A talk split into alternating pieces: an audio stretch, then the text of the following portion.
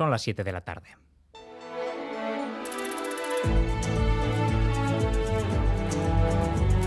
En Radio Euskadi, Gambara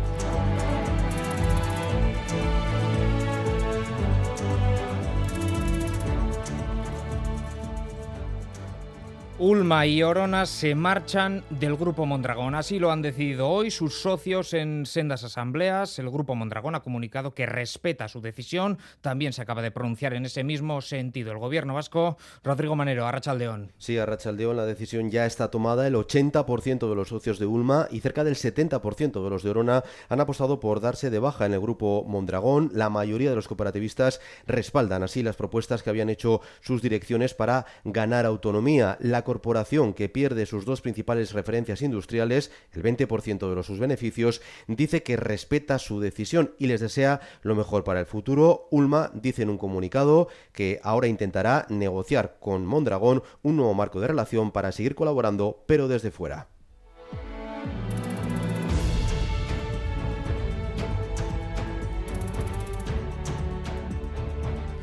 La sanidad es la segunda principal preocupación de la ciudadanía vasca. Es una de las principales conclusiones que se extraen del Deusto Barómetro que hemos conocido hoy en una jornada en la que Osakidetza ha sido la principal cuestión tratada en el Pleno del Parlamento Vasco. La consejera de Salud ha subrayado que los ceses y las dimisiones en la OSI de Donostia Aldea no han afectado a la atención sanitaria y que el Hospital Donostia no perderá servicios.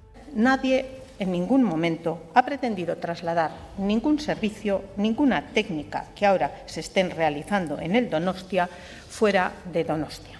Los grupos de la oposición, por su parte, ven un deterioro generalizado de Osakidetza y acusan al gobierno vasco de inacción. Mayalen Iriarte, Euskal Herria Bildu, Miren Gorrochategui, el Carrequín Podemos y Carlos Iturgaiz, Pepe Ciudadanos. Se refiere al crecimiento de problemas, porque un día sí y otro también se abre un nuevo frente. O se refiere al crecimiento de la privatización a costa de un derecho básico como es la sanidad pública. ¿Osakidetza está peor cada vez porque no se toman medidas estructurales para, para corregirlo? Se diría que sí. Osakidetza, desgraciadamente, no es ni la sombra de lo que fue. La joya de Osakidetza va camino de convertirse en un gran montón de circonitas. Simple bisutería, lendakari. Por el bien de Osakidetza y del sistema vasco de salud. Si ya no...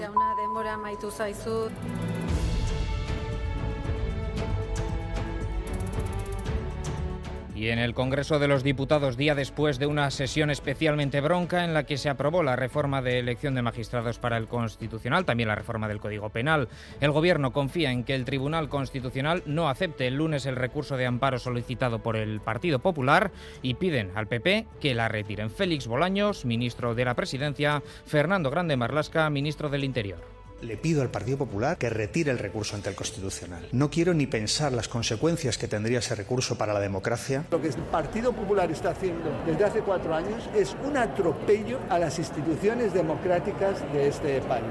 El Partido Popular, sin embargo, se mantiene firme, hoy comparando a Pedro Sánchez con Víctor Orbán y asegurando que el gobierno quiere controlar el constitucional. Alberto Núñez Feijóo utilizando el Código Penal, se intenta y se va a conseguir, si no se remedia, el control del gobierno del Tribunal Constitucional. El gobierno de España acredita que no hay límites ya.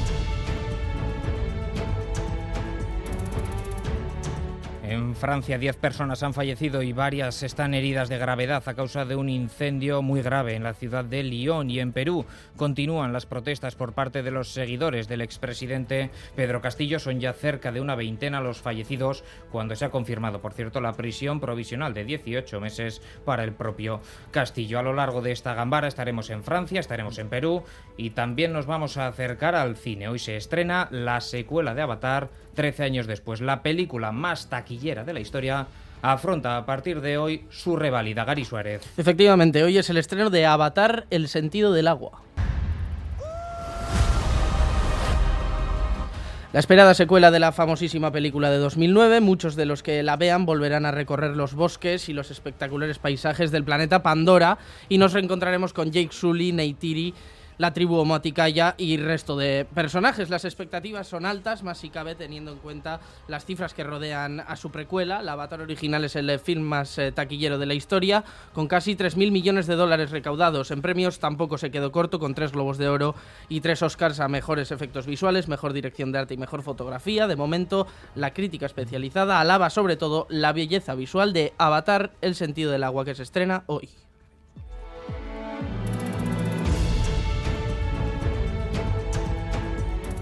En cuanto al tiempo, la noche la nubosidad empezará a romperse y en Álava y Navarra será persistente hasta mañana al mediodía. Se espera algo de niebla a primera hora, pero en general será una jornada tranquila y soleada. Y en cuanto al tráfico, informa el Departamento Vasco de Seguridad de tranquilidad a esta hora en nuestra red viaria. Tiempo para los titulares del deporte, así Arcareaga, Rachaldeón. A en la Euroliga de baloncesto, Vasconia pretende llevarse todo el botín de la semana de tierras turcas, aunque hoy el rival es el Fenerbahce, el líder de la competición. El partido está en juego desde las 7 menos cuarto. Raúl Pando, cuéntanos a Rachaldeón.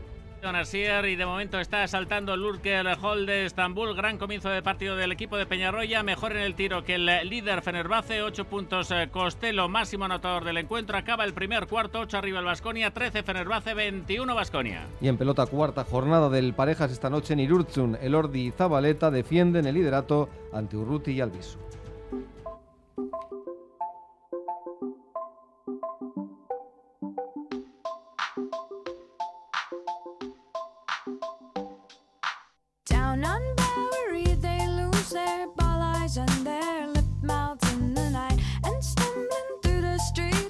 La noticia amable del día nos llega desde Usurbil. Allí, un vecino ha logrado que una vecina no sea desahuciada de su vivienda tras cancelar la deuda que ésta tenía con un prestamista. María Ángeles ha recibido un regalo de Navidad adelantado. Hola, Zarrio La Bengua. María Ángeles está feliz de poder seguir viviendo en su casa gracias al gran gesto que ha tenido uno de sus vecinos, Rosa García, Stop Desahucios Guipúzcoa. Y María Ángeles pues está, bueno, va a pasar unas navidades y lo mejor que le podía traer el olenchero es que se queda en su casa. Un préstamo de 60.000 euros se convirtió en manos de un usurero, denuncia Stop Desahucios, en una deuda de casi 110.000. María Ángeles eh, tenía como su vivienda ya pagada en Usurbil como garantía hipotecaria de un préstamo que formalizó su hijo con este prestamista usurero. Y al no pagar las cuotas, eh, le metieron una demanda al de ejecución hipotecaria eh, en fase de subasta. La cantidad consignada ya en los juzgados de Donostia ha logrado hacer desaparecer el problema y al final va ha formalizado con María Ángeles un contrato de compra-venta por el cual María Ángeles se queda en su fruto vitalicio hasta el final de sus días. Stop Desahucios agradece tanto al vecino como a todo el pueblo de Usurbil su implicación, que se volcó también organizando colectas para poder ayudar a María Ángeles, que ahora respira tranquila.